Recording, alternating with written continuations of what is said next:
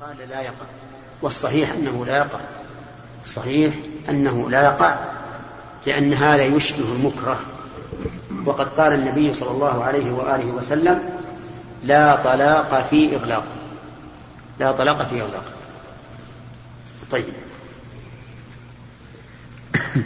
حدثنا يحيى بن بكير قال حدثنا الليث عن خالد بن يزيد عن سعيد بن أبي هلال عن هلال بن أسامة أن أبا أن أبا سلمة ابن عبد الرحمن أخبره عن أبي هريرة أن النبي صلى الله عليه وسلم كان يدعو في الصلاة اللهم انج عياش بن أبي ربيعة وسلمة, وسلمة بن هشام والوليد بن الوليد اللهم انج المستضعفين من المؤمنين اللهم اشدد وطأتك على مضر وابعث عليهم سنين كسني يوسف. في هذا الحديث دعاء على قوم ولقوم. اللهم انج عياش بن أبي ربيعة. وسلامة بن هشام والوليد بن الوليد هذا دعاء لقوم. اللهم أنج المستضعفين أيضا دعاء لقوم وهو تعميم بعد تخصيص. اللهم اشدد وطأتك على مطر مضر وابعث عليهم سنين كسن يوسف. هذا دعاء على قوم. فالقنوت يكون لقوم ويكون على قوم. والشاهد من هذا الحديث أنه جعل المستضعفين غير قادرين فهم محتاجون للدعاء فيكونون كالمكرهين. على البقاء في دار يجب عليهم الهجرة منها. وفي هذا الحديث دليل على جواز التسمي بالوليد. جواز التسمي بالوليد أو بوليد غير معرف لأن النبي صلى الله عليه وآله وسلم لم يغيره. ولو كان محرما لغيره كما غير اسم برة إلى زينب وجويرية. نعم. و والوليد وإن كان يقال إنه اسم لفرعون فرعون موسى الذي بعث إليه موسى. يقال إن اسمه الوليد بن مصعب بن ريان. وعندي في هذا بعد. لأن هذه الكلمات كلمات عربية. ويبعد أن يكون اسم فرعون وهو قبطي من أسماء العربية. لكن قيل هكذا.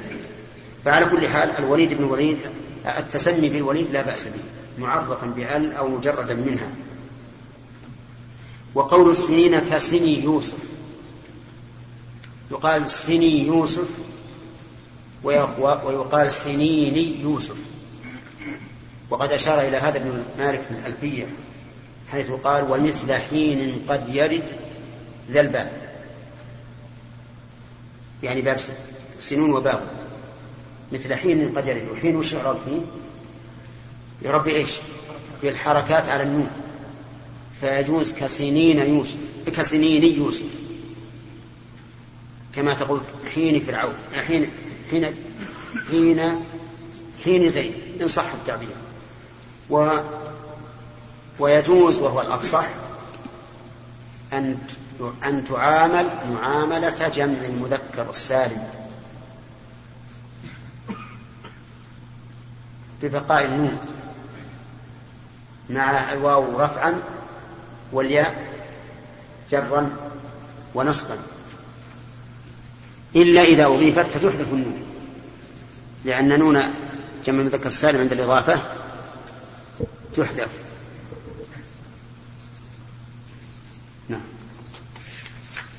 نعم يا شاف إيش؟ وهو ينوي انه ليس بطلاق ثم حاكمته لأنه كانت في حمل السوء فقضى القاضي انه انها تبين منه هل يا شيخ يجب عليه ان يطلقها في الحقيقة؟ لا. آبد ما يجب الان في نفس الامر هي زوجة له ما هي زوجته الحكم الحاكم يرفع. يرفع ما نواه. باب من اختار الضرب والقتل والهوان على الكفر. باب من؟ باب من اختار الضرب والقتل والهوان على الكفر. حدثنا محمد بن عبد الله بن حوشب الطائفي قال حدثنا عبد الوهاب قال حدثنا أيوب عن أبي قلابة عن أنس رضي الله عنه قال قال رسول الله صلى الله عليه وسلم ثلاث من كن فيه وجد حلاوة الإيمان أن يكون الله ورسوله أحب إليه مما سواهما. وأن يحب المرء لا يحبه إلا لله وأن يكره أن يعود في الكفر كما يكره أن يقذف في النار نعم. قال باب من اختار الضرب والقتل والهون على الكفر يعني في حال الإكراه وقد سبق لنا التفصيل في هذا وأنه إذا كان يلزم من إجابته للإكراه صد عن سبيل الله فالواجب إيش؟ الواجب الصبر وأما إذا كانت مسألة خاصة به فقد ذكرنا في هذا أيضا تفصيلا. ثم استدل المؤلف بهذا الحديث العظيم. ثلاث من كنا فيه وجد بهن حلاوة الإيمان أن يكون الله ورسوله أحب إليه مما سواهما. الإيمان له حلاوة وهي أحلى ما يكون لأن أحلى ما نجد هو العسل والعسل مذاقه حلو وفي وعن قريب تزول هذه الحلاوة. لكن حلاوة الإيمان غرس له ثمرات جليلة. لا يدركها إلا من بنى غرسه على هذه الحلاوة. وهي حلاوة ينسى بها الإنسان الدنيا كلها. ويرى أنه أنعم أنه أنعم من يكون في الدنيا. حتى قال بعض السلف إن كان أهل الجنة في مثل هذا النعيم فهم في أكمل نعيم. يعني يجد الإنسان من قلبه حلاوة لا يمكن أن يتصور. الإنسان الذي فقدها لا يمكن أن يتصورها. الأول أن يكون الله ورسوله أحب إليه مما سواه. فإن قال قائل المحبة انفعال نفسي لا تمكن السيطرة عليه. لا إيجادا ولا إزالة. فكيف يقول أن يكون الله ورسوله أحب إليه مما سواه أليس النبي عليه الصلاة والسلام قال اللهم هذا قسمي فيما أملك فلا تلمني فيما تملك ولا أملك؟ يعني المحبة فالجواب نعم. لا شك أن المحبة انفعال نفسي لا يمكن الإنسان أن يتصرف فيه بزيادة أو نقص ولكن إذا وفق الإنسان لاتباع ما جاء به الرسول صلى الله عليه وآله وسلم فستكون هذه المحبة ولا بد. قل إن كنتم تحبون الله فاتبعوني يحببكم الله ويغفر لكم ذنوبا فإذا رأيت الإنسان تباعا لما جاء به الرسول بل إذا رأيت من نفسك لا تنظر للإنسان أيضا إذا أردت من نفسك أنك تحب اتباع النبي صلى الله عليه وسلم, صلى الله عليه وسلم وتحرص على ذلك فهذا عنوان محبتك لله. وستكون المحبة ستجدها في قلبك. تجد أن الله عز وجل أحب ورسوله أحب إليك من كل شيء. ومن علامات ذلك أنه لو أمرك أبوك بشيء يخالف أمر الله ورسوله تقدم أمر الله ورسوله. إذن الله ورسوله أحب إليك من أبيك. لو أن نفسك دعتك إلى شيء تفعله وفي معصية الله ورسوله فعصيتها وأطعت الله ورسوله عرفنا أنك تحب الله ورسوله أكثر من محبة نفسك. هذه العلامات. الثاني أن أن يحب المرء لا يحبه إلا لله. أسباب المحبة الإنسانية كثيرة. منها الهدية مثلا. لقول النبي صلى الله عليه وآله وسلم تهادوا تحابوا. ومنها السلام إفشاء السلام. فإنه من أسباب المحبة. ومنها أن يحب الإنسان ابنه أو أباه أو قريبه محبة طبيعية. ومنها أن يحبه لكرمه وأخلاقه الفاضلة. ومنها أن يحبه لعلمه. منها أن يحبه لماله. وأسباب المحبة البشرية كثيرة. لكن المفيد منها أن يحب المرء لا يحبه إلا لله. هذا هو المفيد وهذا هو الثابت وهذا هو الباقي وهذا هو الذي يبعدك عن الفحشاء والمنكر وعن كل ما يكون فيه معصية لله ورسوله. ما دمت تحب هذا الرجل لا تحبه إلى الله فإن محبتك ستكون تابعة لاستقامة هذا الرجل. إن استقام أحببته وإن انحرف عجيب. كرهته. ولم ولم تحبه فإذا عرفت من نفسك أن أن محبتك مبنية على هذا الأساس أنك لا تحب المرء إلا لله ولا تكرهه إلا لله فهذه مما يجعلك تذوق حلاوة الإيمان. الثالثة طيب إذا الثانية هذه مبنية على الأولى. إذا كنت لا تحب المرء إلا لله فهذا لأنه من تمام محبة الله. فإن من تمام المحبة محبة الحبيب. كما أن من تمام الكراهة محبة أعداء الحبيب. ولهذا قال الشاعر أو الناظم أتع كراهة لا من كراهة الرجل أن تحب أعداءه. كما قال الشاعر أتحب أعداء الحبيب وتدعي حبا له. ما ذاك في إمكان؟ أتحب أعداء الحبيب وتدعي حبا له؟ ما ذاك في إمكان؟ هذا مستحيل لأن الحبيب حقا هو الذي يحب من تحب ويكره من تكره.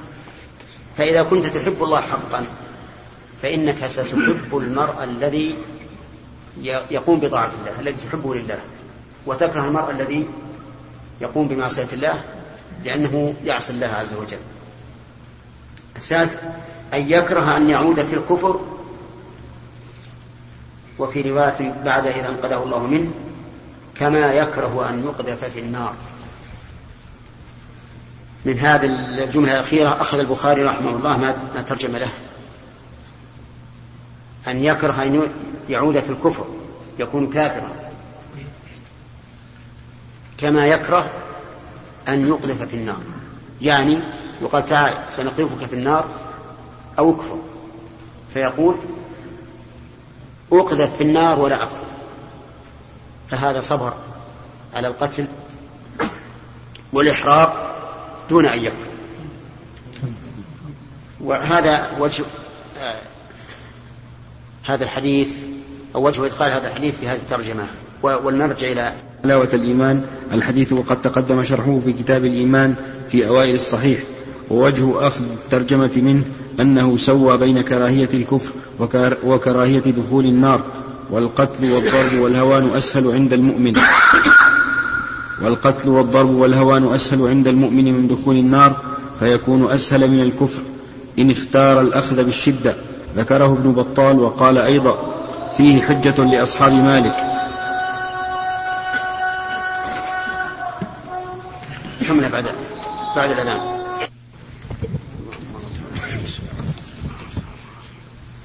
آت محمدا نعم.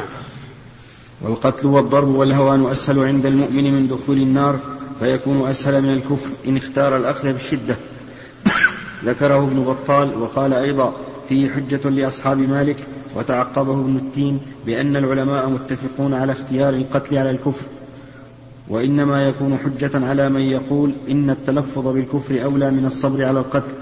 ونقل, ونقل عن المهلب أن قوما منعوا من ذلك واحتجوا بقوله تعالى ولا تقتلوا أنفسكم. الآية. ونقل يا شيخ ونقل. نعم.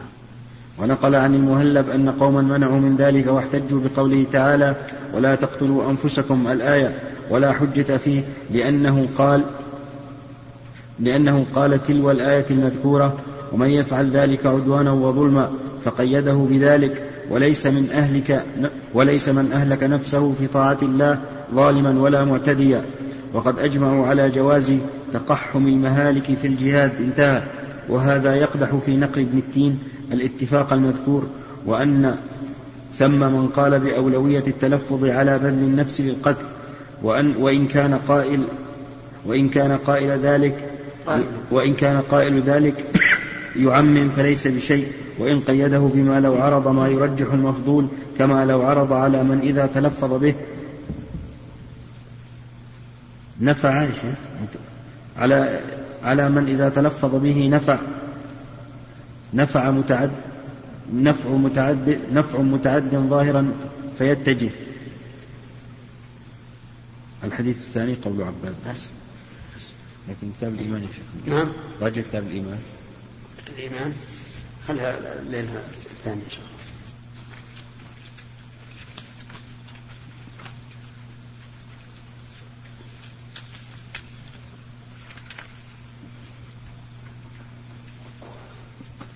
بسم الله الرحمن الرحيم. الحمد لله وصلى الله وسلم على رسول الله. قال البخاري رحمه الله تعالى حدثنا سعيد بن سليمان قال حدثنا عباد عن إسماعيل قال سمعت قيس قال سمعت سعيد بن زيد يقول لقد رأيتني وإن عمر منطقي على الإسلام ولو انقض أحد مما فعلتم بعثمان كان محقوقا أن ينقض. معنى الأثر؟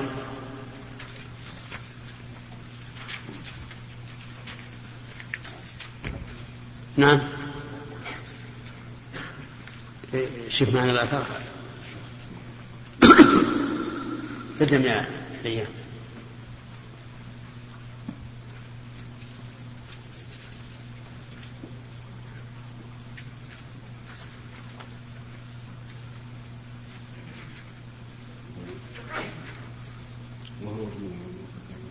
وقد تقدم حديثه في باب إسلام سعيد بن زيد من السيرة النبوية. وهو ظاهر فيما ترجم له بأن سعيدا وزوجته أخت عمر اختار الهوان على الكفر. وبهذا تظهر مناسبة الحديث بالترجمة.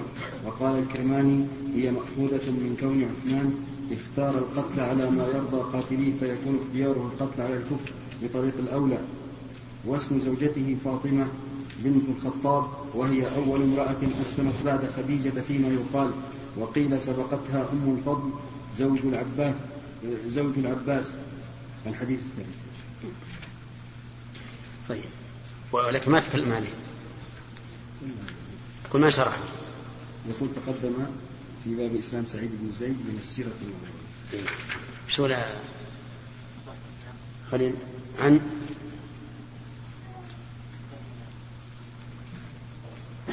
عن إيش؟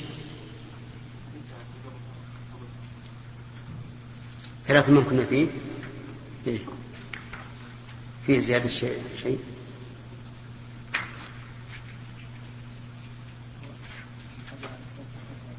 ها؟ إيه، يقول في شيء نحتاجه في إيش؟ نعم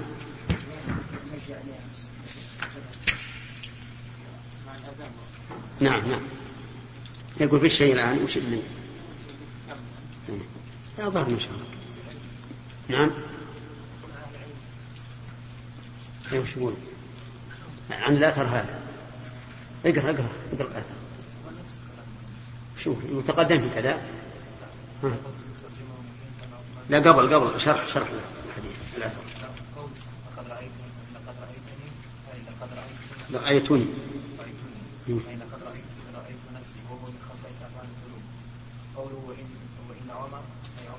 الخطاب رضي الله عنه الواصل الامتحان قول موسى اسم فاعل المفتاح وهو الأحكام أو الإحكام. وأراد به أن أن يثبتني يثبتني على الاسلام الانستطاع والانشقاق الاسلام وأصل هذا من الوثاق هو حبل أو قيد يشد به الاسر والدابة. الأسير والدابة. وقوله ولو نقص لو نقض من الانتقاض أو من الانقاذ الإنقاذ هو الانصدار والانشقاق وفي رواية المتقدمة أنقذ بالفاء قول أحد اللمكين هو الحبل المعروف أحد أحد. أحد. هو الجبل الجبل المعروف بالمدينة. وقول مما فعلتم أو مما فعلتم. أي بسبب ما فعلتم لعثمان بن عفان مما خالف له. والخروج عن طاعته وهو أمير المؤمنين. ثم حصروه إياه ثم قتلوه له ظلما وعدوانا. وقوله حقق أي جديرا محقوقا محقوقا. قولا محقوقا محقوقا أي جديرا ينشق وينصدع. خلاص هو تبين لما قالوا وانقض أحد مما فعلتم. المعنى أنكم لو فعلتم ما فعلتم بعثمان بأحد لانقض وانهد. هذا المعنى. لكن إحنا كنا نقرأ أحد. لكن الآن تبين أنه كأنه رد على عثمان وقال إنه لو لو أن لو أنكم فعلتم هذا بأحد لانقض. فكيف برجل؟ نعم.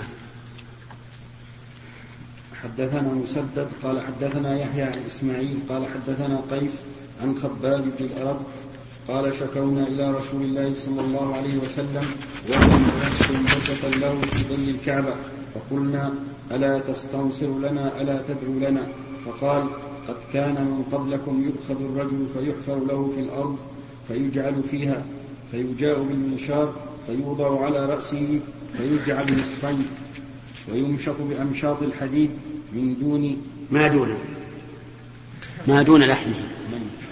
من؟ دون؟ من أو من؟ من. لا من. كان بالنون فيه من. نعم.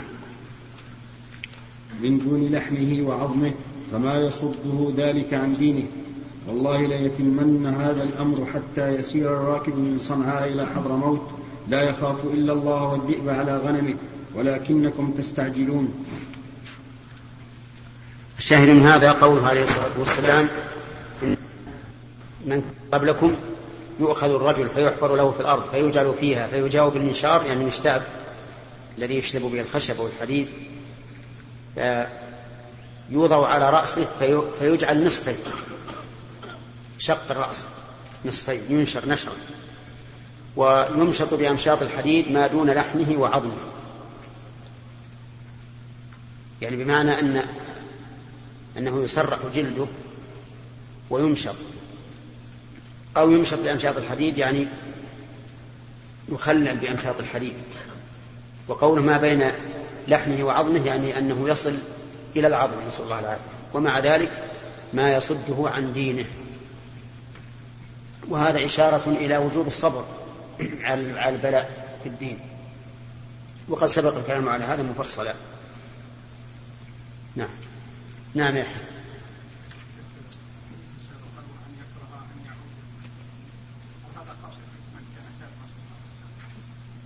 عام. هو عام. نعم لأن العود لا يلزم منه الوجود كما قال تعالى عن شعيب وما كان لنا أن نعود فيها إلا أن يشاء الله ربنا. مع أنهم لم يكونوا كفارا نعم. نعم.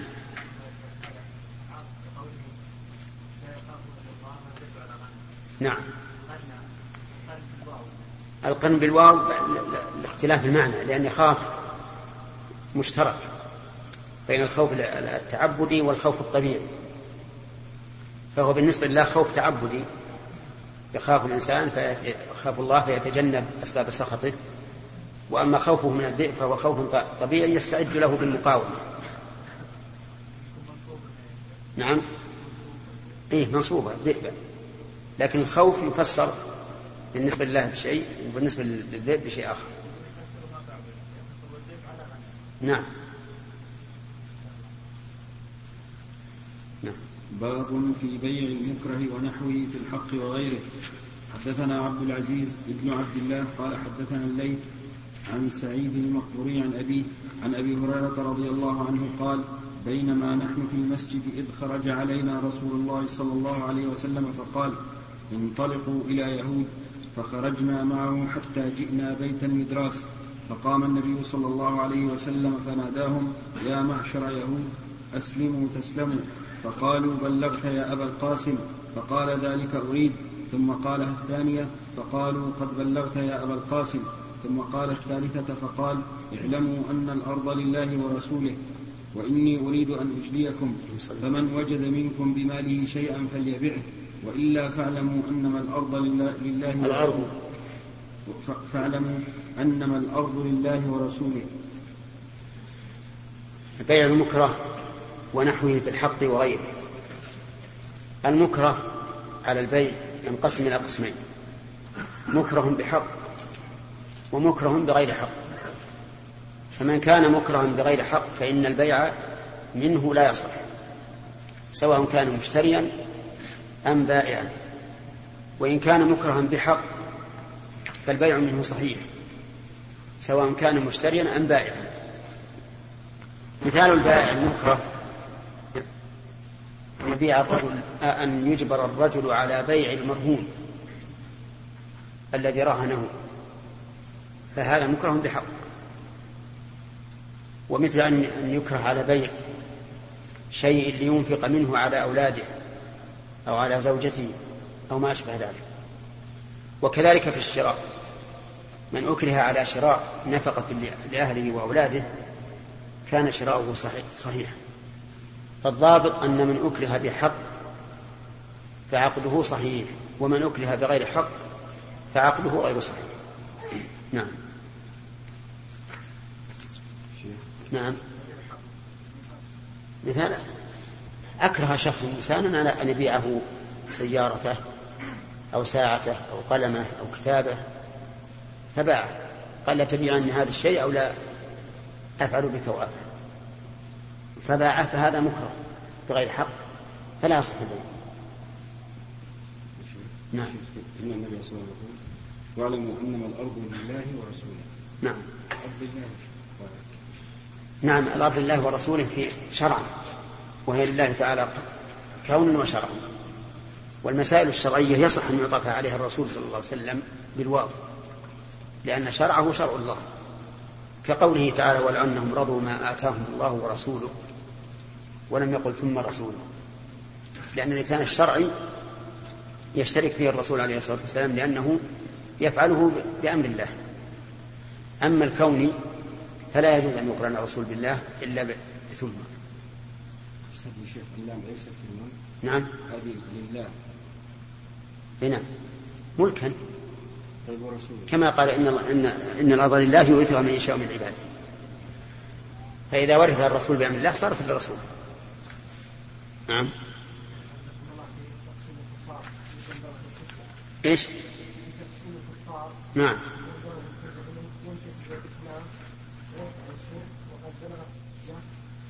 ولكنه عاند واصر هل هذا على وجه يقتنع به ام على وجه لا يقتنع به فاصر كلمة يقتنع يقتنع إذا بلغته وهو يفهم معناها.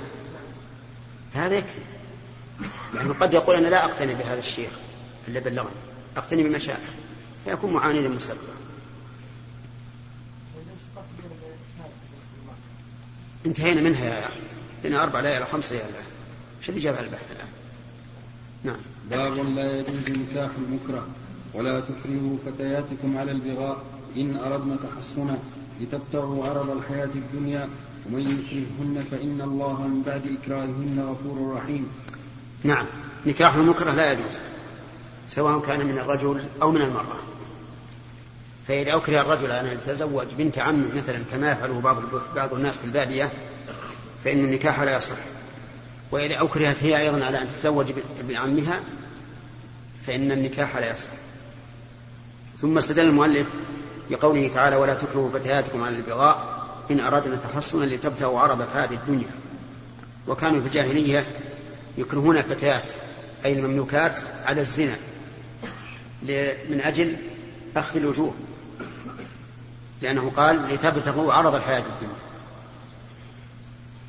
وهذا القيد بناء على الغالب. وما كان قيدا أغلبيا فإنه لا مفهوم لا مفهوم له.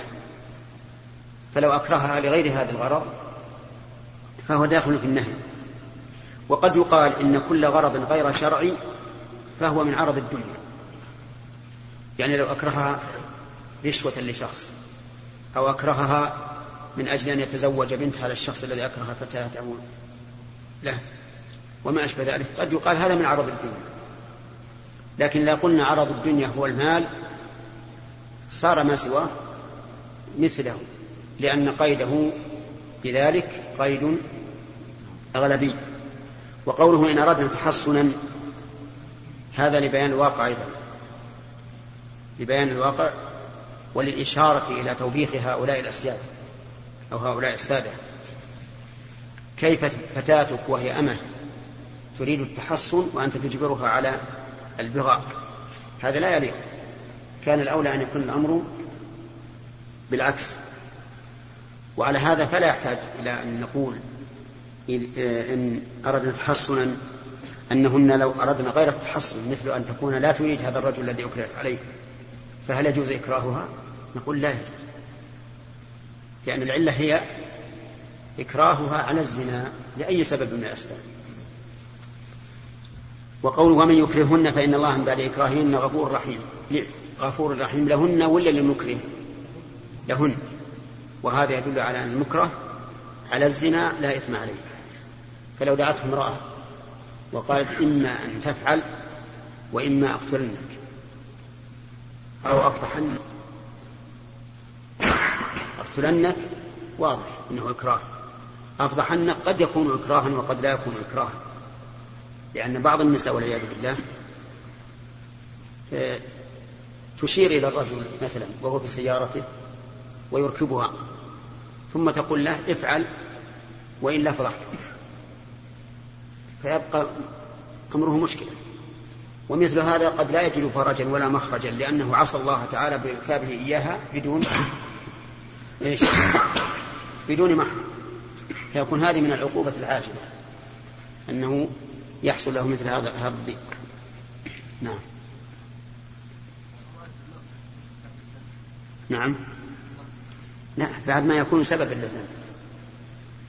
وهذا الأصل أنه ذنب الأصل أنه ذنب أنها لا تطيع. حتى لو قطعت تقطيعا فلا تطيع للزنا. لكن من رحمة الله ومغفرته أنه غفر لها. فعل إيه ولا أكره تقول لا؟ تقول لا. نعم. لا لا لا ما استمالت لو استمالت صارت ما, ما, ما أكره نعم.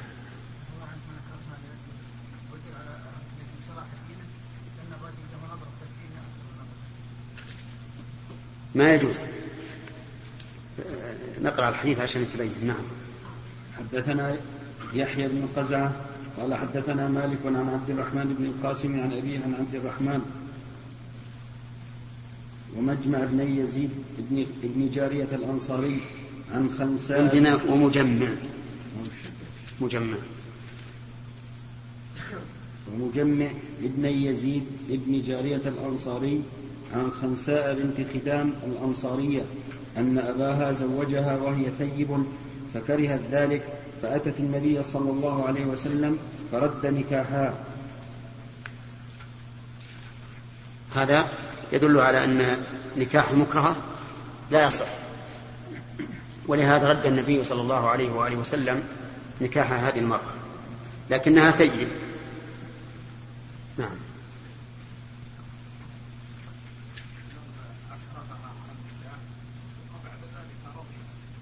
نعم فيه خلاف منهم من يرى أنه لا بد من إعادته. والذي يجيز تصرف الفضول حتى في النكاح يقول إذا أجازت فلا بأس لكن الاحتياط أن يعاد. نعم.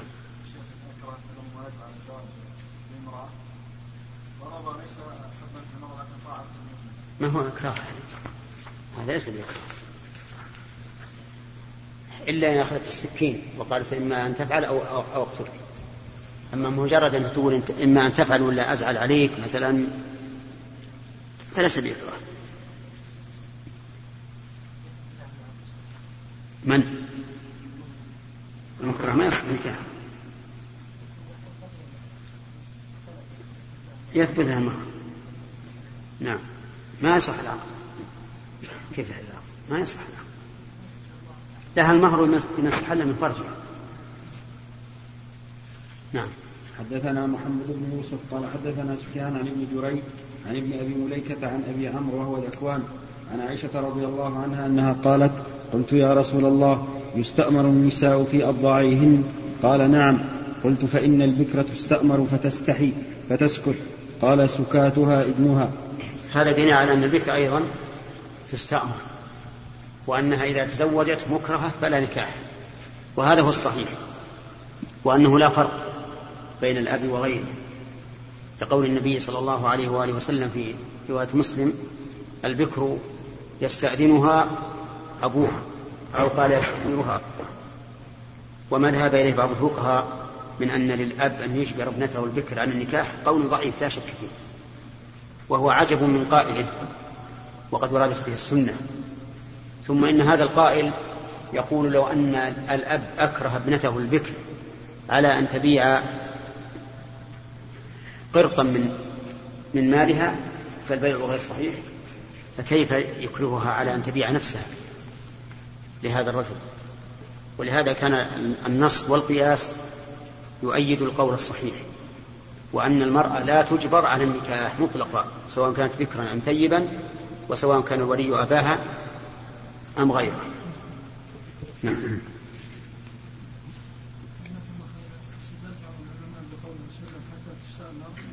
لأن هذا يدل على عدم اشتراط الولي كيف؟ هذا يدل على اشتراط الولي. لقول لا تنكح. فلو أنه لا لا, لا يشترط ولي لا لقال البكر أحق الثيب أحق بنفسها أو ما أشبه ذلك. هذا الحديث واضح. لا تنكح. من يبي ينكحها؟ إلا الولي. نعم. باب إذا أكره حتى وهب عبدا أو باعه لم يجز حدثنا أبو النعمان قال حدثنا وقال بعض الناس فإن نذر المشتري فيه نذرا فهو جائز بزعمه وكذلك عند الضرر. بعض النسخ إيه. نعم. حدثنا أبو النعمان قال حدثنا حماد بن زيد عن عمرو بن دينار. طيب الترجمة واضح إذا أكره حتى وهب عبدا أو باعه لم يجوز. والقاعدة أن كل من أكره على عقد فإن العقد لا يصلح. أي عقد كان سواء كان هبة أم بيعا أم شراء أم إجارة أم أي أي عقد كان إذا أكره عليه فإنه لا يصلح. نعم. عن جابر رضي الله عنه أن رجلا من الأنصار دبر مملوكا له ولم يكن له مال غيره. فبلغ ذلك رسول الله صلى الله عليه وسلم فقال من يشتريه مني؟ فاشتراه نعيم بن النحام بثمانمائة درهم. قال فسمعت جابرا يقول عبدا قبطيا مات عام أول. هذا أيضا رجل دبر مملوكا والتدبير تعليق العتق بالموت مثل أن يقول إذا مت فعبدي فلان حر. لكن هذا الذي دبره لم يكن له مال غيره فأبطل النبي صلى الله عليه وآله وسلم ذلك وقال من يشتريه مني فاشتراه معاذ لأنه لم يكن له مال غيره. فدل هذا على أن الإنسان إذا دبر عبده ولم يكن له مال غيره فإنه يبطل التدبير. ولكن هل يكون من الثلث؟ بمعنى أنه يعتق منه ثلثه أو لا؟ ظاهر الحديث خلاف ذلك. أما إذا إذا باعه قبل أن يموت فهذا جائز وإن كان له مال.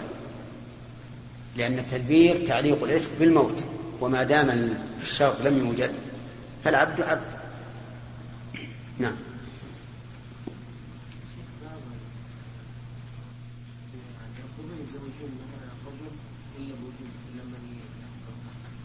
إلا إيش؟ لازم عند العقد يعني؟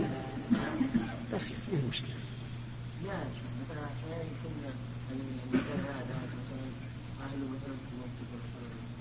ما في عنده أسرة. ما أنت عندي أسرة.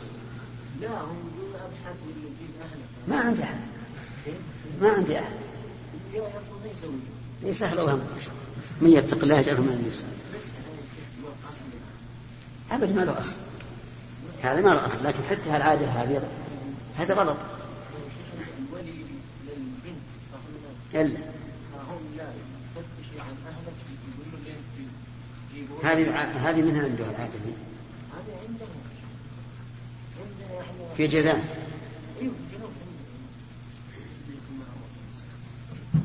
نعم.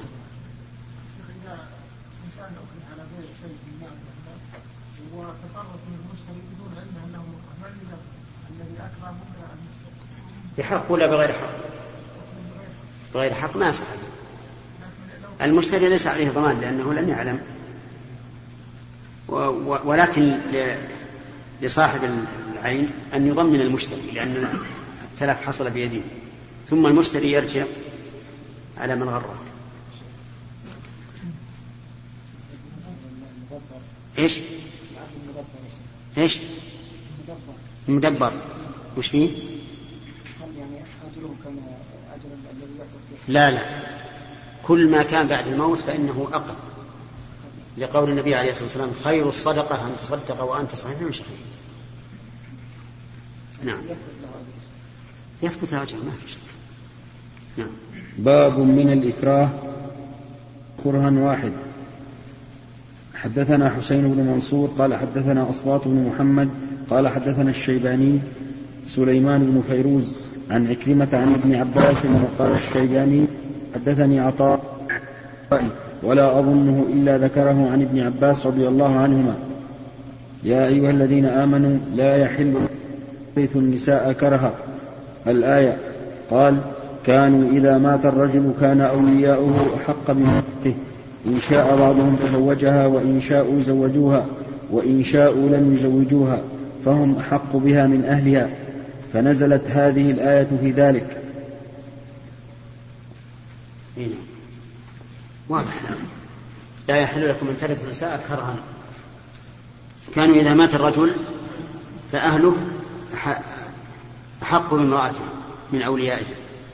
هم الذين يتولون تزويجها إما منهم أو من غيرهم لكن أنزل الله هذه الآية فأبطل هذه العادة التي كانت عندهم.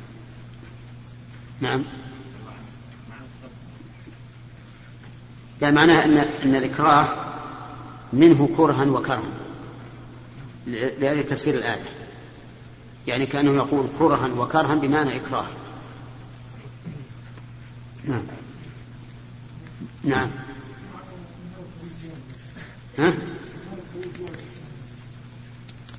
قوله عبدا قبطيا. قصد بهذا تحقيق هذه المسألة. يعني هذا عبد أعرفه وأعرف أنه رجل أنه عبد قبطي وأنه يعرف عن حياته حتى أنه يعرف متى مات. نعم. باب إذا استكرهت المرأة على الزنا فلا حد عليها. لقوله تعالى ومن يكرههن فإن الله من بعد إكراههن غفور رحيم. وقال الليث حدثني نافع أن صفية ابنة أبي عبيد أخبرته أن عبدا من رقيق الإمارة وقع على وليدة من الخمس الخمس. من الخمس فاستكرهها حتى افتضها فجلده عمر الحد ونفاه ولم يجدد الوليدة من أجل أنه استكرهها من أجل أنه استكرهها وقال الز... الرحمن الرحيم. الحمد لله وصلى الله وسلم على رسول الله. قال البخاري رحمه الله تعالى وقال الليث حدثني نافع أن صفية بن أبي عبيد أخبرته أن عبدا من رقيق الإمارة وقع على وليدة من الخمس فاستكرهها حتى افتضها فجلده عمر الحد ونفاه ولم يجلد الوليد من أجل أنه استكرهها. وقال الزهري في الأمة البكر يفترعها الحر يقيم ذلك الحكم من الأمة العذراء بقدر ثمنها. ويجلد ثمنها. وقدر قيمتها.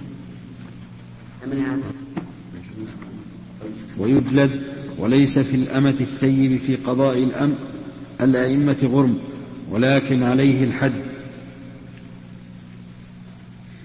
نعم. هذه الآثار الأثر الأول أن عبد من رقيق الإمارة وقع على وليدة من الخمس فاستكرهها حتى افتضها يعني افتض بكرتها فجلده عمر الحد يعني حد الزنا. وكلمة الحد هنا يحتمل أن يكون المراد به الحد. الواجب على الحر ويحتمل أن يكون المراد به الحد الواجب على الرقيق.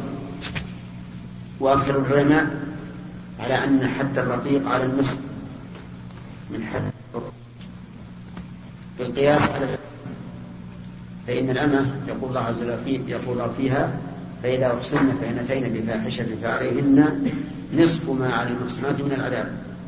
قالوا وكذلك العبد يقاس عليه وأما أهل الظاهر المانعون من القياس فقالوا إن العبد الذكر يجلد من الجلة كالحر قال ونفاه وهذا ربما يؤيد حمل الحد على حد الحر.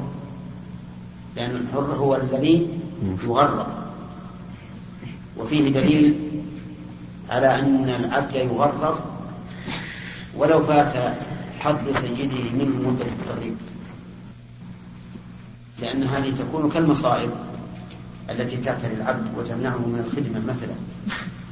ولكن المشهور من المذهب مذهب الحنابلة أن العبد يجلد خمسين جلدة ولا يغرب أما الوليدة فيقول لم يجدها لأنه استكرهها. وقال الزهري في الأمة البكر يبتلع يبتلعها الحر يقيم ذلك الحكم عندي أنا الحكم من من الأئمة من من الأمة العذراء بقدر قيمتها. ويجلب هذا رأي الزهري رحمه الله. على أن أنه إذا زنى بالحرة وافتض بكرته تقدر أمة بكرا ثم تقدر أمة ثيبة فما بين القيمتين يكون هو المهر. يكون هو المهر. وحجته رحمه الله أن هذا من باب من باب الإتلاف. والإتلاف يقدر من الحر بقدره من الرقيق. وأما